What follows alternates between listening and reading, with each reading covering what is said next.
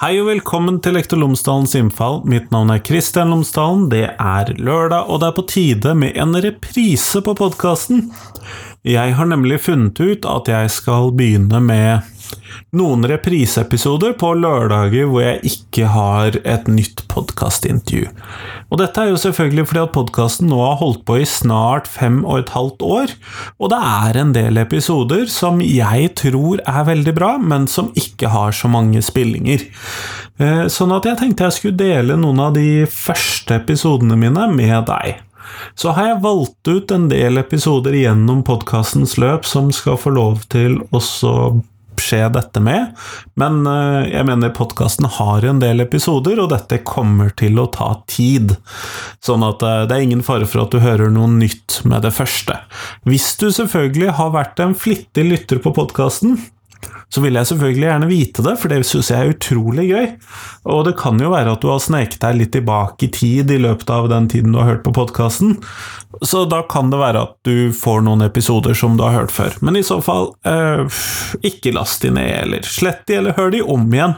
Det gjør du akkurat som du vil med. Eh, jeg vet i hvert fall at jeg setter pris på den typen repriser av skikkelig gamle episoder på en del podkast jeg hører på. Hvis det er type fra i fjor, det gidder jeg ikke. Så det skal du slippe å få her, men eh, sånn at jeg skal tilbake til starten på podkasten i løpet av disse reprisene. Den første episoden, som blir en reprise, er også det første intervjuet på podkasten.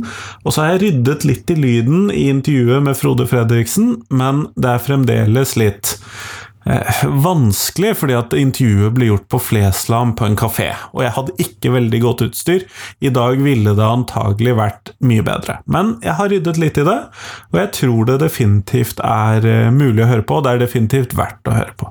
Vi snakker om mobbing, vi snakker om språk, vi snakker om seksuell trakassering, seksualitetsundervisning, vi snakker om verktøy elevene har, vi snakker om verktøy Eh, skolen har. Vi snakker om hva regjering og storting kan gjøre, bør gjøre, må gjøre, osv.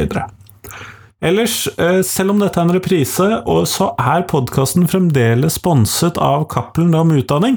Og hvis du går inn på skolen.cdu.no, så finner du alle de ressursene som eh, Cappelen om Utdanning har laget i forbindelse med fagfornyelsen i grunnskolen. Alle emner, tema, årstrinn, alt sammen, det finner du på skolen.cdu.no. Alle fag òg, selvfølgelig. Igjen skolen.cdu.no. Men nå skal du få lov til å høre intervjuet med Frode Fredriksen, og så håper jeg at du setter pris på det. Hei, hei.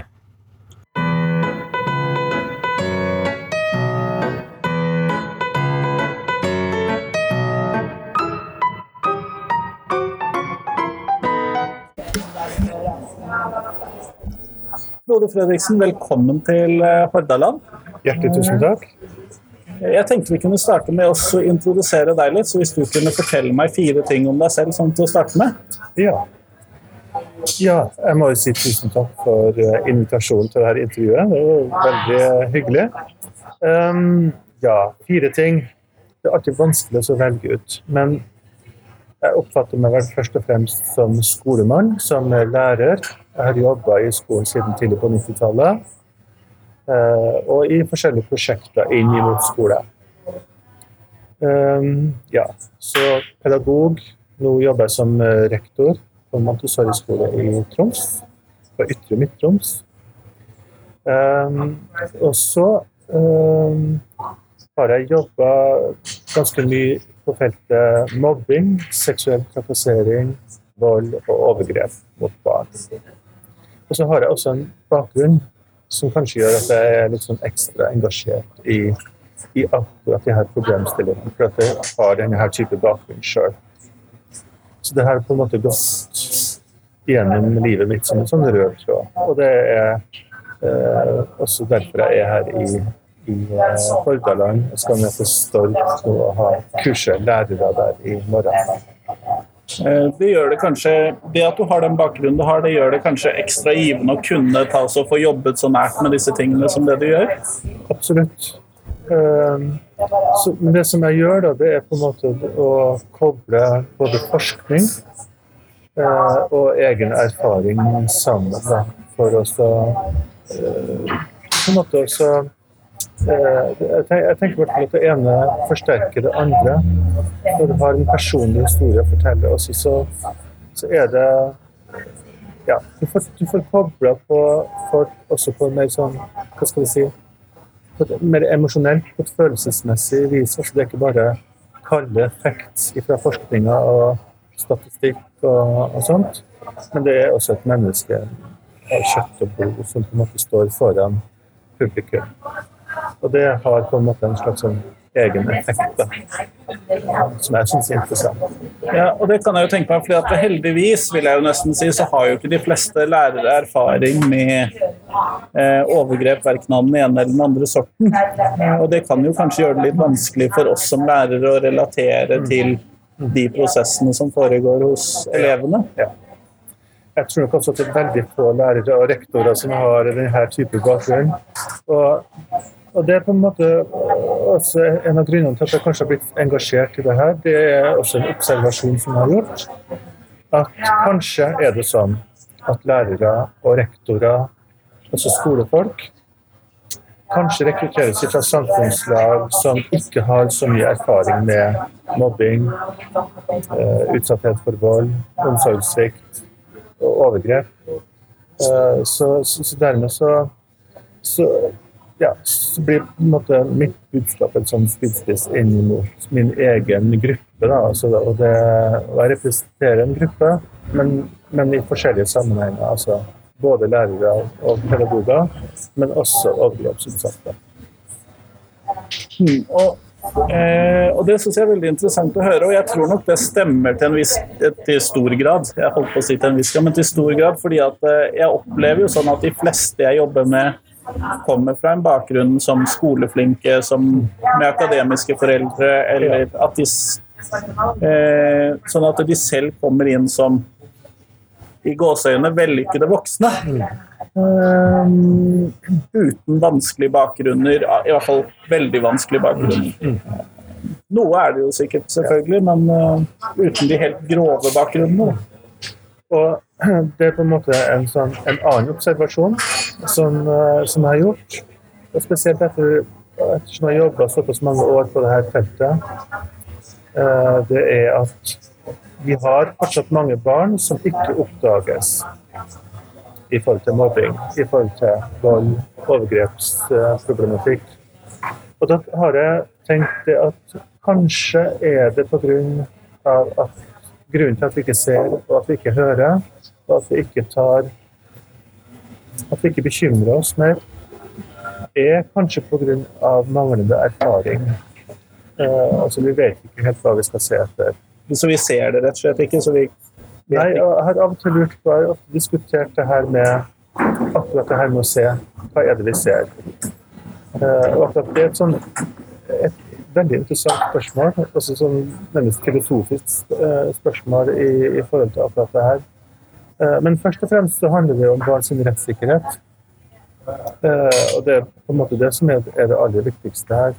At altfor mange barn lever under veldig vanskelige forhold uten at de får den hjelpa de trenger. Et annet moment i det, det er også at i denne gruppa med barn og unge så er frafallsprosenten veldig, veldig høy i forhold til ja, det å gjøre seg ferdig med utdanning, det å få innpass i arbeidslivet, det å faktisk også etablere seg i kjærlighetsliv og i familieliv, gjør det også veldig vanskelig for denne gruppa. Mange lever alene, og kanskje også reproduserer på noen måter de samme problemene som de kommer fra. Så det at vi ikke ser disse elevene godt nok i skolen, kan da være med på å forsterke den frafallsproblematikken som vi ser? Det finner vi igjen i forskninga.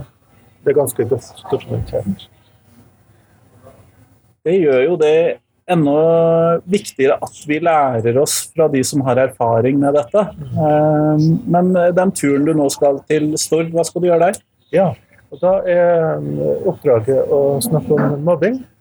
Eh, forebygging av mobbing. Så, eh, men med utgangspunkt i Djupedalsutvalget sitt arbeid, eh, NOU-en å høre til. For her er det jo gjort veldig mye godt arbeid.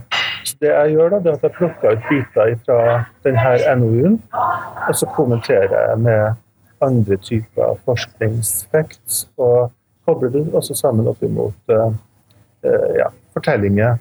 Uh, historier fra mennesker som jeg møter, som tar kontakt med meg, fordi at jeg jobber på, på feltet her. Jeg har ganske mye kontakt med, med folk som, som, strever med denne mobbeproblematikken på, på ulike måter. Eh, både unge og faktisk også godt voksne, som eh, senest her for eh, ja, 14 dager siden så hadde jeg Twitter-kontakt med en uh, godt voksen dame som er akademiker, og som er veldig aktiv på Twitter, men som forteller om en veldig alvorlig mobbehistorie. Som har gjort at hun har strevd med psykiske vansker hele livet. Hun har strevd med unngåelsesatferd, med reaksjoner eh, på andre mennesker, i møter f.eks., og i foredrag, eh, som hun gjør veldig ofte. Men hun har psykiske og fysiske reaksjoner som hun strever veldig med også, å holde i sjakk. Og det er pga. en, en uh, alvorlig mobbehistorie. Hun har ikke forstått det før nå. Og nå er denne damen, denne flotte damen, uh, nærmere 60 år, har aldri kobla det her opp imot Jeg har ennå ikke da fått hjelp til å håndtere dette på en god måte. Men nå som hun har forstått hva det hun har gjennomgått som, som barn, så, eh, så ga hun meg nylig beskjed om at eh, nå takler hun møtene mye bedre. Har fått mye mer overskudd. og Bare det at hun ble klar over hva hun var utsatt for, og kunne på en måte plassere det, har hjulpet. Så bra. Ja. Det, det, er jo egentlig en kjempegod sånn at man faktisk får tilbakemeldinger på at uh, den type arbeid man selv gjør, kan, virkelig kan fungere. Ja, og det er budskapet mitt også ut til um, lærere, uh, både lærere i barnehage og i skole. Uh, og helsesøstre, alle voksne egentlig som, som, jobber med barn, det er at eh, hvis vi får hull på en sånn historie, og vi kan begynne å jobbe med å støtte det her barnet gjennom eh, kognitive prosesser, gjennom mentale prosesser, psykologiske prosesser, så, så er det veldig godt håp. Altså bare det å bli sett og hørt, uh, og det å få fortalt historien sin, bare det i seg sjøl hjelper. Men, men, selvsagt, når en sånn mobbehistorie eller en historie om vold eller overgrep har kommet opp, så må man ha hjelp. Men det, det har vi også god dokumentasjon på i forskninga, at straks man begynner å jobbe med god støtte, så hever det livskvaliteten til barnet betydelig. Og vi har en veldig interessant forskningsstudie fra 2013 eh, der det er kartlagt eh, altså barn som har vært utsatt for mobbing, vold og overgrep. De eh, ligger da en hel karakter under snittet. Det er jo ganske mye. Ja. Men med god støtte, både som pedagogisk omsorg og, og, og ellers også, så, så, ligger de på snittet. Så det, det sier noe om egentlig kraften i det å gi god hjelp og støtte til barn som står i en veldig sårbar posisjon. Men en del av det støtteapparatet som skal hjelpe disse barna, er jo f.eks. helsesøstrene i skolene. Men ja. vi vet jo det at uh, i Hordaland f.eks. så er det én helsesøster per 800 elev. Mm. Uh, og normene, de rådgivende normene til uh, Utdanningsdirektoratet er at det skal ligge på ca. 1 til 300. Ja. Eh, nå jobber jeg på en skole som er så heldig at vi har eh, vi har en rektor som har Vi har helsesøster i en stor prosentandel. Mm. Så har vi noen prosjektmidler, så vi har en enda litt større prosjekt, ja. prosentandel. Og så har rektor kjøpt inn de siste prosentandelene. Mm. Men det betyr at vi fremdeles er 1 til 500. Eller nesten 600. Eh, så det er mye bedre enn snittet, men det er fremdeles altfor dårlig. Er det noen måter man kan få dette bedre på, eller er det et uh... Ja, altså det, det, er, det er jo, har det med politisk vilje å gjøre, rett og slett. Uh, vi fikk Med folkehelseloven i 2014 så fikk vi også folkehelsemeldinga, som egentlig lovte eh, en ganske sånn stor utbygging av skolehelsetjenesten og helsestasjonstjenesten. Men det som viste seg da, det var jo at store deler av det som ble bevilga til skolehelsetjenesten, det ble brukt til mange andre ting. Som sandpåstrøing i de kommunale budsjettene til alt mulig annet. Og hvis politikerne mener noe med en sånn satsing, så må midlene øremerkes. Eh, det kan ikke være opp til kommunale eh, politikere å på en måte å skatte og valte med de her midlene. Det, det går virkelig ikke an. Det er jeg veldig enig i. Eh, nå er vi i Bergen så heldige at i Bergen kommune så har de bestemt at eh, alle disse midlene for 2017 skal gå til det tiltenkte formålet. Ja, det høres veldig bra ut. Men det er jo litt sånn tragisk at det er noe å klappe for. Ja, ja. Nei, jeg er helt enig, altså. Eh, Det var veldig skuffende, egentlig, det som skjedde i forbindelse med folkehelsemeldinga i 2014. For eh, det som var lovt av midler og utbygging, så veldig lovende ut, men det ble punktert veldig fort. Og Det handler om eh, manglende vilje til å øremerke og til å satse ut i kommunene. Men når det er sagt, så er det jo også så lir vi jo også av en en slags sånn systemsvikt. Eh, fordi at de tjenestene som omgir barn og unge, er på en måte bygd opp som siloer. Vi har skolehelsetjenesten som er under, under helse- og omsorgslovgivninga, men som er sånn delvis inne i skolen og delvis ut av skolen. Det vil si at eh, jeg som rektor, eller lærerne mine som, som ansatte, egentlig har veldig lite kommunikasjon med helsesøster. For, for at, Og er egentlig ikke kollega med helsesøster. hun er egentlig ikke vår kollega. Uh, og hun har en såpass streng taushetsplikt at hun har heller ikke lov til å diskutere så veldig mye med oss om, om enkeltsaker. Så vi har systemer som er bygd opp som siloer, som ikke kommuniserer godt nok. Både PPT, eh, skolehelsetjenesten, eh, barne- og ungdomspsykiatrisk, barnevernet er alle på en måte bygd opp som siloer som ikke kommuniserer godt sammen. Vi har alle sammen det samme målet, og det er å jobbe for denne eleven, men vi gjør det på, på hvert vårt vis innenfor veldig sånn faglige, strikte grenser, egentlig. Og det, det er veldig, veldig synd. Fordi at i mange sammenhenger så, så handler ikke det om barnets beste. Så hvis vi tar Barnekonvensjonen på alvor, så burde de her eh, institusjonene egentlig har jobba mye tettere sammen. I større grad fått lov til å utveksle informasjon. Da tenker Ja. du på. Ja. Og møtes i de samme rommene og legge de samme planene.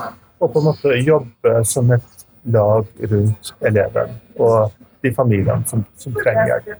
Men da må jo i så fall samhandlingsressurser ut til disse Ja. øke. Ja. Men først og fremst så handler det også om en, eh, en oppbygging, en struktur, som, som er veldig lite hensiktsmessig. Men da er vi over på politikken igjen. Det er jo vanskelig når du kommer til skole å holde seg unna politikken. Ja, det er Eh, Kanskje politikk, så Men vi kan jo prøve å komme oss tilbake til storturen din. fordi at eh, I løpet av studietiden så opplevde jeg i hvert fall at læreryrket var veldig lite praksisnært. Det var veldig De som jobbet med det, hadde stort sett ikke jobbet i skolen og hadde stort sett ikke erfaring med skolen. Og de som um, skulle rådgi oss om hvordan virkeligheten var der ute, de kunne ikke så mye om det. Sånn faktisk og praktisk. De kunne veldig mye teoretisk og var veldig flinke der, men så, så hvordan klarer du også å få all den eh, teorien som du sitter på, all den praksisen som du kan, og all den erfaringen du sitter med, hvordan klarer du å få den ut til lærerne på en eh, praksisnær måte? Ja. Det, det er et veldig godt spørsmål. Um, og det her handler jo om formidling. Uh, og ja, de forskningsbitene som jeg, som jeg presenterer, det er jo teoretisk. Statistikk, det er observasjoner fra store data. Um, så, og det er jo en kunst å få det, det praksisnært og, og ned, på, ned på jorda. eh, til noe matnyttig for, for lærere i barnehage og i, i skolen, og i skolehelsetjenesten også, og i PPT. Um, det handler nok mer om koble ulike data sammen, sånn at det er brukbart. Uh, det er jeg veldig opptatt av. Altså, å presentere på en måte et, et bredere bilde. altså ikke, Når vi snakker om mobbing, så snakker vi altså gjerne om andre former for krenkelser. Uh, fordi at vi ser i forskninga at det er sammenhenger. Hadde man spurt en forsker på f.eks. på bruk av sosiale medier, barn og sosiale medier, så er det det man får. Men det som på en måte er mitt oppdrag, altså det oppdraget som jeg har gitt meg sjøl, det er på en måte å få lærere og pedagoger til å se sammenhenger mellom de forskjellige typer krenkelser. For at barn kan Vi får det vi spør om. Spør vi om mobbing, så får vi svar om mobbing. Men spør vi eh, om eh, forskjellige typer krenkelser, så, så, får vi flere svar. Og det, det, er også litt sånn interessant når du kobler forskningsdata sammen og ser at her er det sårbare grupper.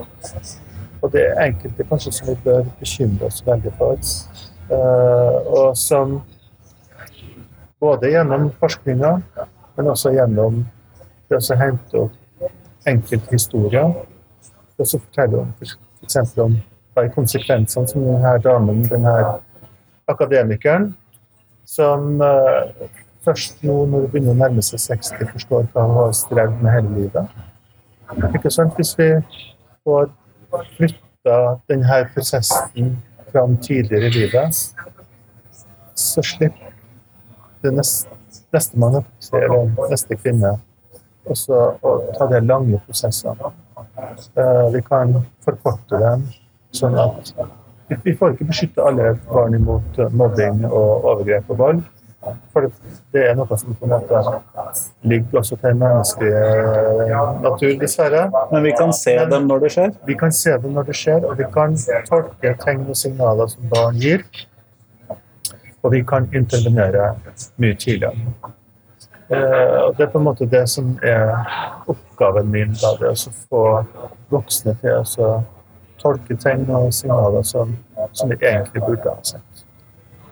Eh, men i går så mm, ble jeg gjort oppmerksom på Det var noen som sa det at eh, når vi snakker om mobbing, og det går litt inn på det du nettopp tok opp der, at når vi snakker om mobbing, og så tar vi seksuell trakassering, vi tar eh, alle mulige den slags små seksuelle eh, krenkelser, tar vi alltid separat unna det. Um, jeg hadde ikke tenkt på det før.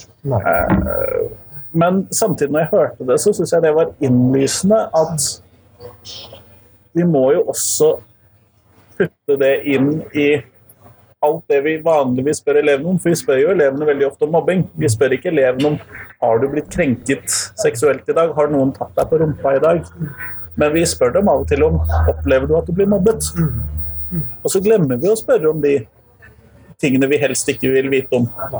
Mobbing er så mye mer fremme og mye mer, mindre tabu å oppdage. Ja. Og så tenker jeg altså at uh, det handler om Som jeg sa i sted, vi får svar på det vi spør om.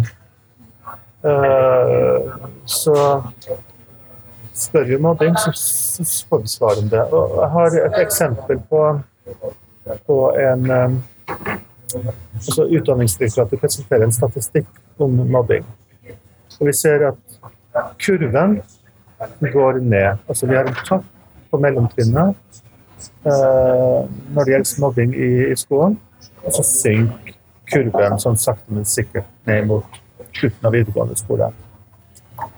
Men det som er problemet her, det er at når vi kommer opp i ungdomsskolen, så eh, så er i hvert fall min mistanke om at da begynner det her med seksuell trakassering. Sånn at den seksuelle mobbingen går opp, men vi spør ikke etter den? Vi spør ikke etter den. Så dermed så, så tenker jeg at akkurat nå så står vi ved et sånn veiskille. Har vi et korrekt bilde egentlig over situasjonen? Og det, har jeg, det spørsmålet har jeg stilt Utdanningsdirektoratet og NOVA. eh, og folk ved samfunnsforskning eh, som lager de her eh, ja, f.eks. av elevundersøkelsen, de presentasjonene og studiene av elevundersøkelsen. Har vi et korrekt bilde, er spørsmålet mitt. Så det håper jeg at de tar alvorlig, sånn at vi får opp det riktige kunnskapsgrunnlaget. Jeg var her sist torsdag på Stjørdal, og da møtte jeg alle elevrådene i Trøndelag. Ja, det tror jeg jeg så på Twitter. Ja. Eh, og det var et veldig interessant møte med masse engasjerte ungdommer. Og da, og da var også oppdraget mitt å snakke om mobbing, men da tok jeg også opp det med seksuell trakassering. Og de var sjokkert over de tallene som vi viste fra 2014, for da gjorde vi en, en kartlegging av det her med seksuell trakassering i videregående skole i Trøndelag. Uh, og de dataene som vi har, viser jo ganske høye tall, egentlig. Uh, Men det som var interessant, at når de, de ungdommene hadde fått reflektert over de her tallene, det var at de kjente seg igjen i det her bildet. Spesielt kanskje tidlig i videregående skole, i slutten av ungdomsskolen, tidlig i videregående skole, de første og andre året, så var det mange som sa ja, OK, men det her kjenner vi igjen. Nå på tredje året så er det kanskje ikke så, så ille som det var det første året. Men det sier noe om at uh, det her er, er et, et bilde som vi er nødt til å ta alvorlig. Og vi har ennå ikke det riktige kunnskapsgrunnlaget. Nettopp fordi at vi ikke spør om seksuell trakassering. Den kjente jeg satt ganske godt i magen. Ja, eh, Den informasjonen, For det har jeg ikke tenkt over at det kunne være en kobling der. Nei. Eh, Men når du sier det, så igjen, det er dette med at dette her er innlysende når man først hører det. Eh, Og det er jo da jeg Mitt hode går jo da litt over til seksualundervisningen. ja. Eh, For jeg skrev jo I september så skrev jeg en kronikk i Dagbladet om eh, seksualundervisningen og hvordan den burde se ut Ja. i Norge. Mm. Og Den er basert på en tekst du har skrevet, basert på noe du har oversatt fra Ja. WHO. Ja. Eh, og da lurer jeg litt på um, det vil si, jeg lurer ikke på, jeg vil jo da påstå at den planen du da presenterer, og som jeg tok videre til Dagbladet, ville by- bøte på det, det mobbeproblematikken som du her beskriver. Det er jo min tanke her. Hva tenker du om det? Ja, og det tror jeg du faktisk har rett i. Eh, Det jeg gjorde da i forbindelse med en veileder som skrev for eh, Sør-Trøndelag fylkeskommune, som ble utgitt i 2014, det var eh, også en matrise som ikke ble med i den veilederen, men som jeg jobba litt med i, i etterkant. Og den matrisen er en oversikt over barnet sine behov fra fødsel til slutten av tenårene. Og da handler det om eh, altså De blir født som seksuelle vesener. Så, og hvis vi erkjenner at vi er seksuelle vesener ifra, fra vi blir født da, kanskje tidligere også, kanskje også i, i mors liv, så tenker at da må vi få kunnskapen om hvordan skal vi legge til rette sånn at barn føler seg på en måte vel i skinn og i sinn. Hva er den største problematikken for, barn? Da tenker jeg dermed skamproblematikk i forhold til seksualitet. Er, er en sånn eh, ja, en sånn ganske tung greie, egentlig. Um, og der har vi en del sånne utfordringer, for at det også er knytta opp mot en god del atferd.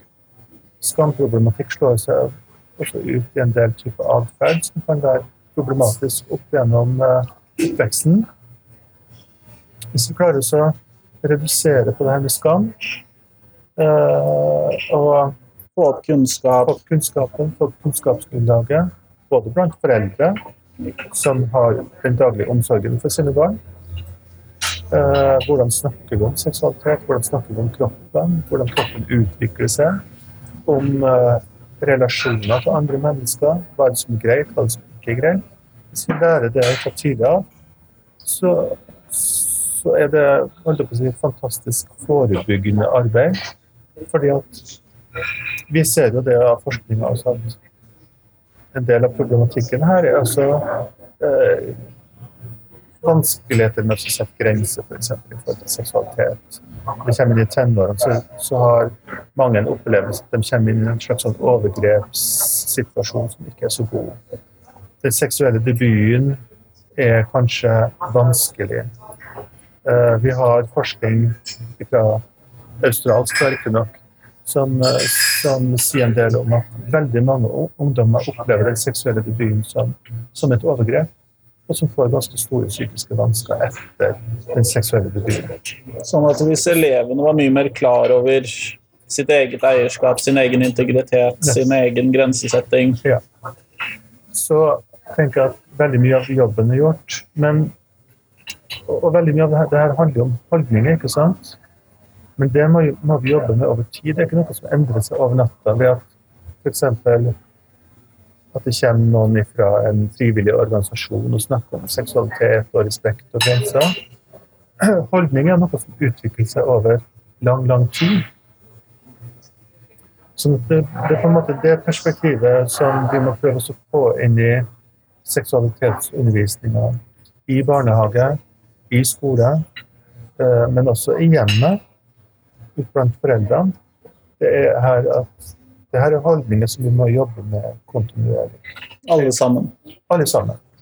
Og vi har en plikt til å gjøre det for å forhindre at vi utvikler barn og unge som er sårbare for, for overgreps- og voldsproblematikk.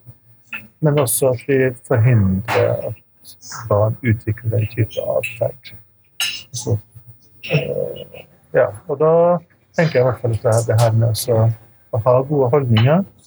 Det som har lært seg respekt for andre, at det må, må jo være et veldig godt utgangspunkt. Og jeg, jeg, kunne ikke vært mer enig. Eh, men når vi ser på seksualundervisningen, og da vil jeg si, kalle det bare seksualundervisningen og seksualitetsundervisningen, som foregår i norsk skole i dag, så ser vi jo det at det stort sett dreier seg om én time eller én sesjon i eh, femte og sjette klasse og én sesjon i mm, niende-tiende klasse. Og så kanskje en besøk av helsesøster før russetiden for å sørge for at alle har kondomer og vet hva klamydia er. Ja. Og kanskje politimannen for å si nei. um, men jeg tenker jo at denne holdningsoppbyggingen er veldig vanskelig å få gjennomført uten at vi utvider, utvider, til en seksualitetsundervisning og utvider det til å være gjennomgående i hele skoleløpet. Ja. Og det tenker jeg altså at uh, vi bør kunne få til en annen organisering av det her. Jeg, jeg tenker at uh, om vi klarte å få opp kunnskapsgrunnlaget hos lærere altså, Min kjepphest ville f.eks. vært at hvis kroppsøvingslærere hadde mer kunnskap om det her, som følger barn opp gjennom kanskje hele uh, skoleløpet.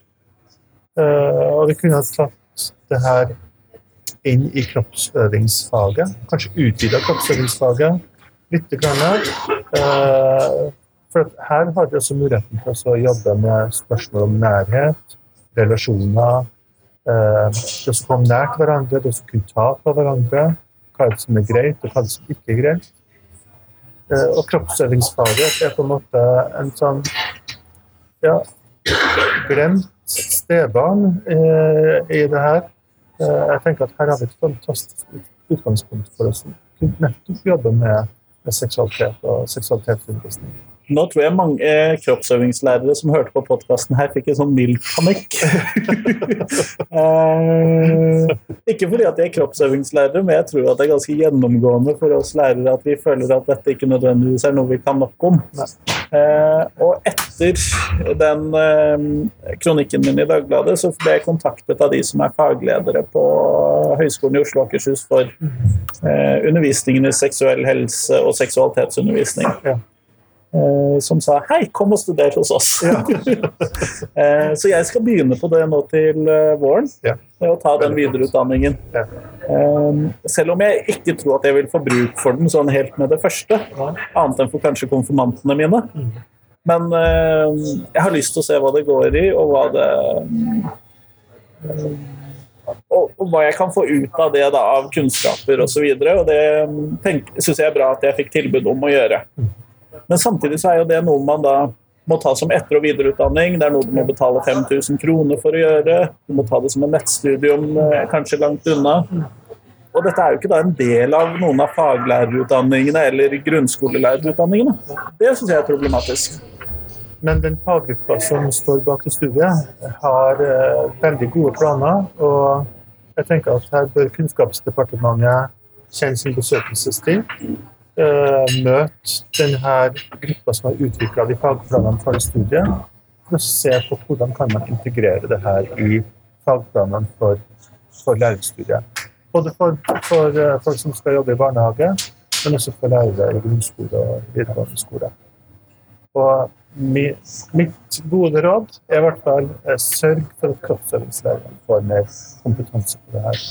For det er jo et fag der vi burde satse mer på de myke verdiene, ikke bare på prestasjoner, men, men også få inn de her myke verdiene som handler om holdninger, det å utvikle gode holdninger og respekt for hverandre. Og, og, det ligger vel egentlig allerede inne i eh, planen for kroppsøvingsfaget. fordi at dette faget skal jo ikke være et rent prestasjonsfag sånn som det er i dag heller.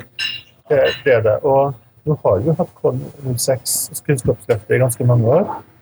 Men vi ser fortsatt rapporter om at kroppsøvingsfaget oppfattes som et prestasjonsfag. Og der faktisk en god del elever mistrives. Også i mobbesituasjoner? Ja, ikke sant. Og um, nå er det også sånn at i videregående skole så er faktisk kroppsøvingsfaget også et fag som gjør at en god del elever ikke får rytmemål. For at de har for høyt fravær i nettopp kroppsøvingsfaget. Så nå skal ikke det så mye til i år, da. Nei, ikke sant. Nei da. Da er vi inne på en debatt som også handler om, eh, om fravær. Men, eh, men det nå så. Men jeg tenker i hvert fall at det er et fag som med en litt annen struktur, med litt mer kunnskap, eh, og gjerne de her fagplanene til denne gruppa på Høgskolen i Oslo og Akershus Hvis vi kunne fått implementert det i kroppsøvingslærerfaget i utdanninga, så hadde vi tatt noen Hjulpet masse. kjempelange steg fremover. Fordi at det jeg ser, fordi at Her nevner du dette med kroppsøvingsfaget, og jeg ser at du har rett i det, selv om jeg ikke nødvendigvis vet hvilke kompetansemål man skulle putte det inn under. Nei. Men når man også ser på de andre typiske seksualitetsundervisningsfagene, KRLE, Mm. eh, samfunnsfag og naturfag, eh, så ligger jo kompetansemålene, og i tillegg i den generelle læreplanen, så ligger jo kompetansemålene for å ha en god seksualitetsundervisning ligger der jo allerede. Sånn at eh, det jeg føler at mangler, er at vi lærerne har kompetansen som vi trenger. Mange av oss har jo ikke det. Noen av oss har det, mange av oss har det sikkert ikke. Men jeg føler også at det mangler et krav om at vi skal levere dette på en skikkelig ordentlig måte gjennomgående over hele løpet. Ja, og hvis du blar i ja, eh, lærebøkene, f.eks. i naturfag, så er det en god del av de her eh, bøkene som eh, læreverkene som har ganske mye om seksualitet, om samliv og seksualitet og, og sånn, men veldig mye av det er litt sånn gammeldags. Det henger igjen i den eh, tradisjonen som vi har.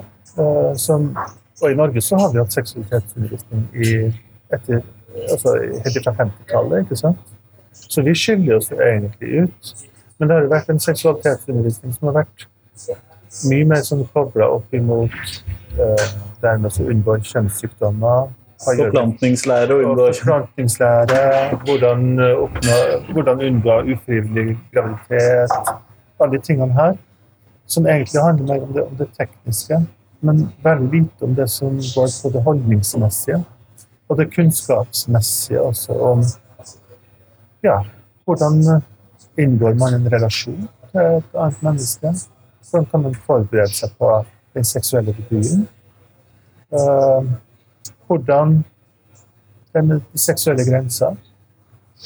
Respekt. Um, men også uh, seksuelle følelser. Det har jo et sett med følelser, så det snakker vi veldig lite om. Uh, så, så den mentale biten, den relasjonelle biten, er jo også viktig å ta opp i seksualiteten. Få mer kunnskap om. Men det jeg hører, både fra det du sier om mobbing, det du sier om tallene for seksuell trakassering i ungdomsskolen og videregående eh, Det jeg hører mest av dette her, er at dette må jo egentlig inn som en obligatorisk del av grunnskolelærerutdanningen. Ja.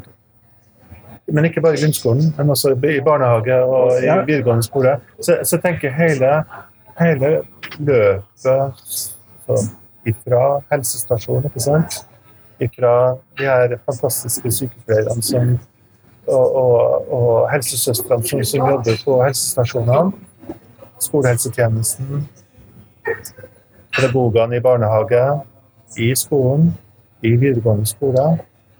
Hadde vi fått et ordentlig kunnskapsløft, fått til et ordentlig godt samarbeid mellom de her partene, blitt enige om at det her er en del prinsipper som fremmer god øh, mental helse, seksuell helse, også fysisk helse, så, så, så tenker jeg at da hadde vi fått et fantastisk løft egentlig for, for barnehelse, men også for helse til voksne senere i livet.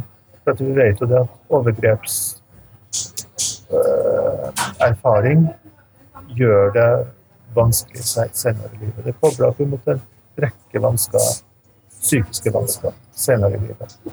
Så sånn For å være kjip og kynisk her nå, så vil jeg jo da påstå det at det er billigere å bruke masse masse penger på å putte inn en masse helsesøstre, sosionomer og psykologer og god seksualitetsundervisning inn i skolen tidlig, og så slippe å betale for alt det andre etterpå, hvis jeg skal være kjip og kynisk. Kjempegod folkehelse eh, hvis vi får til et sånt eh, løft som det her. Eh, og nå har vi en folkehelselov som eh, også gir kommunene en del sånn pålegg om å ha god oversikt over tiltak, over de her folkehelseindikatorene. Eh, men da, da tenker jeg i hvert fall at, at det her ville vært et fantastisk tiltak på, på folkehelsesida, hvis vi ser stort på det. Også i forhold til det som du sier, Hvis vi skulle være litt kynisk og se på det her med det store samfunnsregnskapet. Eh, Jeg vil egentlig jeg vil fortsette inne på seksualitetsundervisning her nå, men jeg vil da komme med en liten sånn gladsak fra Bergen. Jaha, ja. For ungdomspartiene i Bergen eh, har relativt god representasjon inn i bystyret i Bergen. Eh, og de har nå alle sammen gått sammen om å kreve, i hvert fall de fleste av dem, om det er alle eller nesten alle ungdomspartiene, har gått sammen om å kreve en felles seksualitetsundervisning i, eh, for bergensskolene. Ja. Og de skal lage seg en norm for dette. Men foreløpig så eh, forslaget for å ha en start, så har de sagt at det skal utarbeides et forslag for 9. klasse. Okay. Eh, så man får ikke full pakke sånn med en gang, men de har i hvert fall krevd at det skal um, at vi skal ha et felles opplegg for Bergen, litt à la sex og samfunn i Oslo. Ja. Og at uh, alle skal lære det samme, og at dette skal være godt og profesjonelt utarbeidet i samråd med eksterne aktører på området. Veldig bra. Ja, og jeg er veldig fornøyd. Jeg kan selvfølgelig være misfornøyd lenge med at det ikke er for 10 år og 13 år og i barnehagen og sånn, men uh, eh, starte. Ja. Ja. så, det, så det ønsker jeg å berømme dem for. Det syns jeg er veldig positivt. Uh, og her er det jo fritt fram for ungdomspolitikere å virkelig engasjert seg i alle kommuner. Eh, og elevrådene, tillitsvalgte i skolene, også bør pushe på eh, og stå på for en bedre seksualitetsundervisning. Men Norge er et langt land, så det må vi også huske på. Eh, så målet må jo være at vi får god kvalitet på denne type undervisning over hele landet. Og vi kan jo ikke sende alle sammen til Sex og samfunn i Oslo heller. Nei, vi kan ikke det. Så det her er noe som eh, ja, de forskjellige departementene og direktoratene bør ta uh, samarbeide om. Både Kunnskapsdepartementet, helse og omsorg, uh, justis også for så vidt, kunne godt ha samarbeid om et uh, felles løft for så- å få et kunnskapsløft i, i barnehage, i skole og i helsetjenestene. Men har ikke du egentlig nesten gjort jobben for dem med å oversette den eh, WHO-planen? Jeg kan godt bruke den. For Jeg, må innrømme det at når jeg leste den og viste den til kjæresten min, som også er veldig interessert i dette temaet, så var det sånn Ja, her, ja, vi kan egentlig bare begynne her. Ja, ja. En matrise høres jo veldig kjedelig ut, for det er, er jo egentlig et datablad. Eh, men jo, men det var jo hva trenger man å lære, hva må man kunne, hva skal man sitte igjen med? Alle aldersgrupper delt opp i forskjellige temaer. Det, Ja. Dette var kjempebra. og den er forskningsbasert. Det her er jo en stor faggruppe i Verdens helseorganisasjon som har jobba med i ganske mange år. Eh, Sånn at eh, det, her har vi også god dokumentasjon på at dette funker. Så et par shoutouts til ministeren i Solberg-regjeringen Yes. er på sin plass egentlig Ja. der. Eh, Du har jo du er jo nå rektor på en Montessori-skole. Men er det i Montessori-skolen du har eh, jobbet hele skoletiden, eller er det noe du har havnet i mer nå i de var- siste årene? Det var nok eh, litt tilfeldig. Eh, fordi at det hadde begynt å nærme meg slutten på en prosjektperiode, så fikk jeg en forespørsel fra denne skolen. Eh, fordi at de trengte en rektor. Så det passer det veldig bra, for at jeg har lang fartstid en kommune. I Berg kommune på Senja. Bodde der i 15 år, fra 1990 til 2005. Og jobba der som lærer. Så det her er en kommune som kjenner meg veldig godt, og jeg kjenner dem veldig godt. Så det er veldig hyggelig å bli, bli spurt. Så, men eh, jeg har nok mest praksis fra kommunal skole. Eh, Men, eh, og jeg ser jo også det at du, har, du skal være rektor for Trondheim Montessori-skole. Jeg har en søknad inn om å starte Montessori-skole i Trondheim. Hvorfor akkurat Montessori der? Eller er det for å trekke veksler på de erfaringene du nå har? Det gjør altså, men eh, det er ikke noen Montessori-skole i Trondheim fra før av. Det er to Steinerskoler, det er flere private kristne skoler eh, og en del andre. Men det er ingen Montessori-skole, så Trondheim er faktisk eh, en hvit flekk på kartet. Og det må vi gjøre noe med. Ja, nei, jeg, men jeg husker det, fra når, for jeg bodde i Trondheim eh, når jeg, Min eldste sønn er født i Trondheim.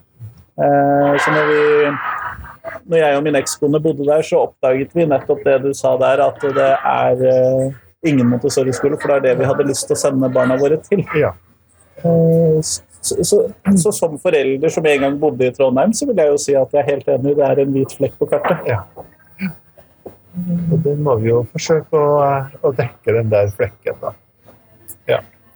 Så målet er å starte en ungdomsskole i første omgang. Høres kanskje litt omvendt ut, men eh, for vi burde kanskje starte en, en barneskole. Men det er et litt større løft eh, å starte med en barneskole nå. Så, så planen er å starte en ungdomsskole først, og så en barneskole som vi kobler til eh, neste år. Året etter. Det jeg har sett av data, eh, tilsier det at det mange som Eller i hvert fall ikke mange, men noen av de som velger disse private alternativene til den offentlige skolen, gjør det fordi at de har mobbehistorikk i den offentlige skolen og trenger et alternativ der hvor de bor. Eh, har du Stemmer det med din erfaring også, eller er det Ja, det stemmer. Jeg har vært i kontakt med mange friskoler rundt omkring, både i Oslo og i andre byer. Og um, jeg tror nok at det generelle bildet er at eh, barn der foreldre har egentlig ja, vært misfornøyd med det psykososiale miljøet, eller det kan også være andre ting, men det er veldig mange mobbehistorier. Det var en, jeg var på skolebesøk i en privatskole i eh, Oslo her i vår. Eh, Der sier ledelsen at de har hovedsakelig barn som har en, en mobbehistorie med seg i bagasjen. Så det sier jo noe om et ganske omfattende problem. Men der vi flytter mobbeofre eh, Og det har på en måte vært politikk fram til nå, da. At vi har flytta dem som har vært utsatt for, for mobbing. det er lettere å flytte den ene enn de to-tre hovedmobberne eller de andre som har vært deltakende. Mm. Så sånn har det vært fram til nå. Nå har jo eh, den nye regjeringa lagt som prinsipp at det er mobberen som skal flyttes. Men det- jeg vet ikke i hvor stor grad det gjøres. Vi har noen enkelthistorier, men, men vi har ikke noen statistikk foreløpig i hvor stor grad det skjer. Jeg tror ikke at det er fortsatt sånn at det er mobbeofrene som, som flyttes i hovedsak. At det er foreldrene som gjør det. Det har jeg egentlig jeg, jeg tror deg på den, for å si det sånn. Hvis vi nå skal ta oss runde av dette intervjuet, så har jeg lyst til å stille deg et spørsmål. Sånn. Hvis du kunne få lov til å ha et ubegrenset budsjett til å innføre noe i norsk skole, eh, hva er det tiltaket du ville startet med sånn i morgen? I morgen. Så jeg tror nok at vi burde ha starta der det som vi har snakka om nå, seksualitetsundervisning. Fordi at det kan kobles opp i så mange fag. Jeg har jo snakka varmt om kroppsøvingsfaget nå. Så vi snakker om naturfag, vi snakker om samfunnsfag og RLE. Men vi kan også snakke om språk. Norsk, engelsk, også i andre språkene. For det handler også om å utvikle et språk og for å kunne kommunisere om seksualitet, om følelser, de mentale prosessene, om relasjoner. Eh, Det har et helt vokabular, men det, det bruker vi ikke. Og det tenker jeg også er et utgangspunkt for å havne i trøbbel senere i livet. Det er at du faktisk ikke kan kommunisere om dine ønsker og behov, eller at du kan plassere dine grenser. For at, eh, hvis vi også ser for oss at, at det her har et språk, et språklig univers også, så burde vi nettopp bruke norskfaget og de andre språkfagene også til å lære oss å kommunisere om, om seksualitet. Vår egen seksualitet. Både ønsker og behov. eh, De mentale prosessene, men også det å kunne sette våre egen grenser. Og det å lære oss å respektere andre grenser. For det, det handler også om språk. Og mobbing handler jo også om å respektere andres grenser. Det er jo ikke bare seksuell trakassering som handler om det. Og, og her tenker jeg altså at vi har så mye å vinne på på alle felt i forhold til det å utvikle egentlig et, et vokabular, et godt ordforråd. Eh, fordi at språket handler også om å øke bevissthet, om kognitive ferdigheter på, på akkurat det her, om alle de mentale prosessene som går veldig fort. ikke sant? Og Så lenge at vi ikke klarer oss å uttrykke det, så er det også en slags som Det bygger seg kanskje også opp en frustrasjon. Jeg har en følelse, men jeg vet ikke hvordan jeg skal beskrive det. Sånn at får vi et mer sånn finmaska, nyansert språk også på akkurat det problemfeltet, så tenker jeg at det er veldig mye god forebygging til akkurat det. Kjempeflott. Tusen takk, Frode Fredriksen. Takk for at eh, jeg fikk lov til å intervjue deg i dag. Hjertelig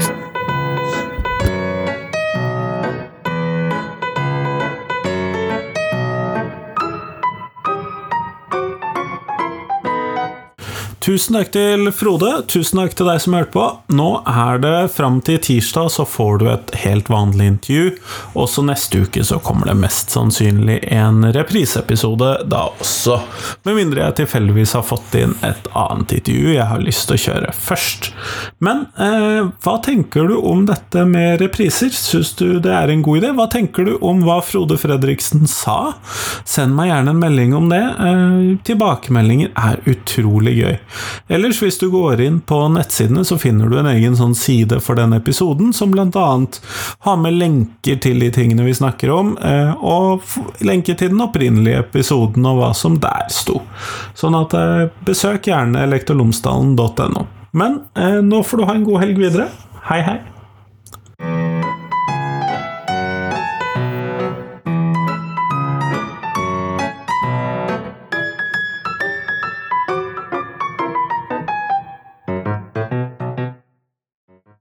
Det at du kan gå inn på iTunes, podkaster andre steder, og så rate podkasten.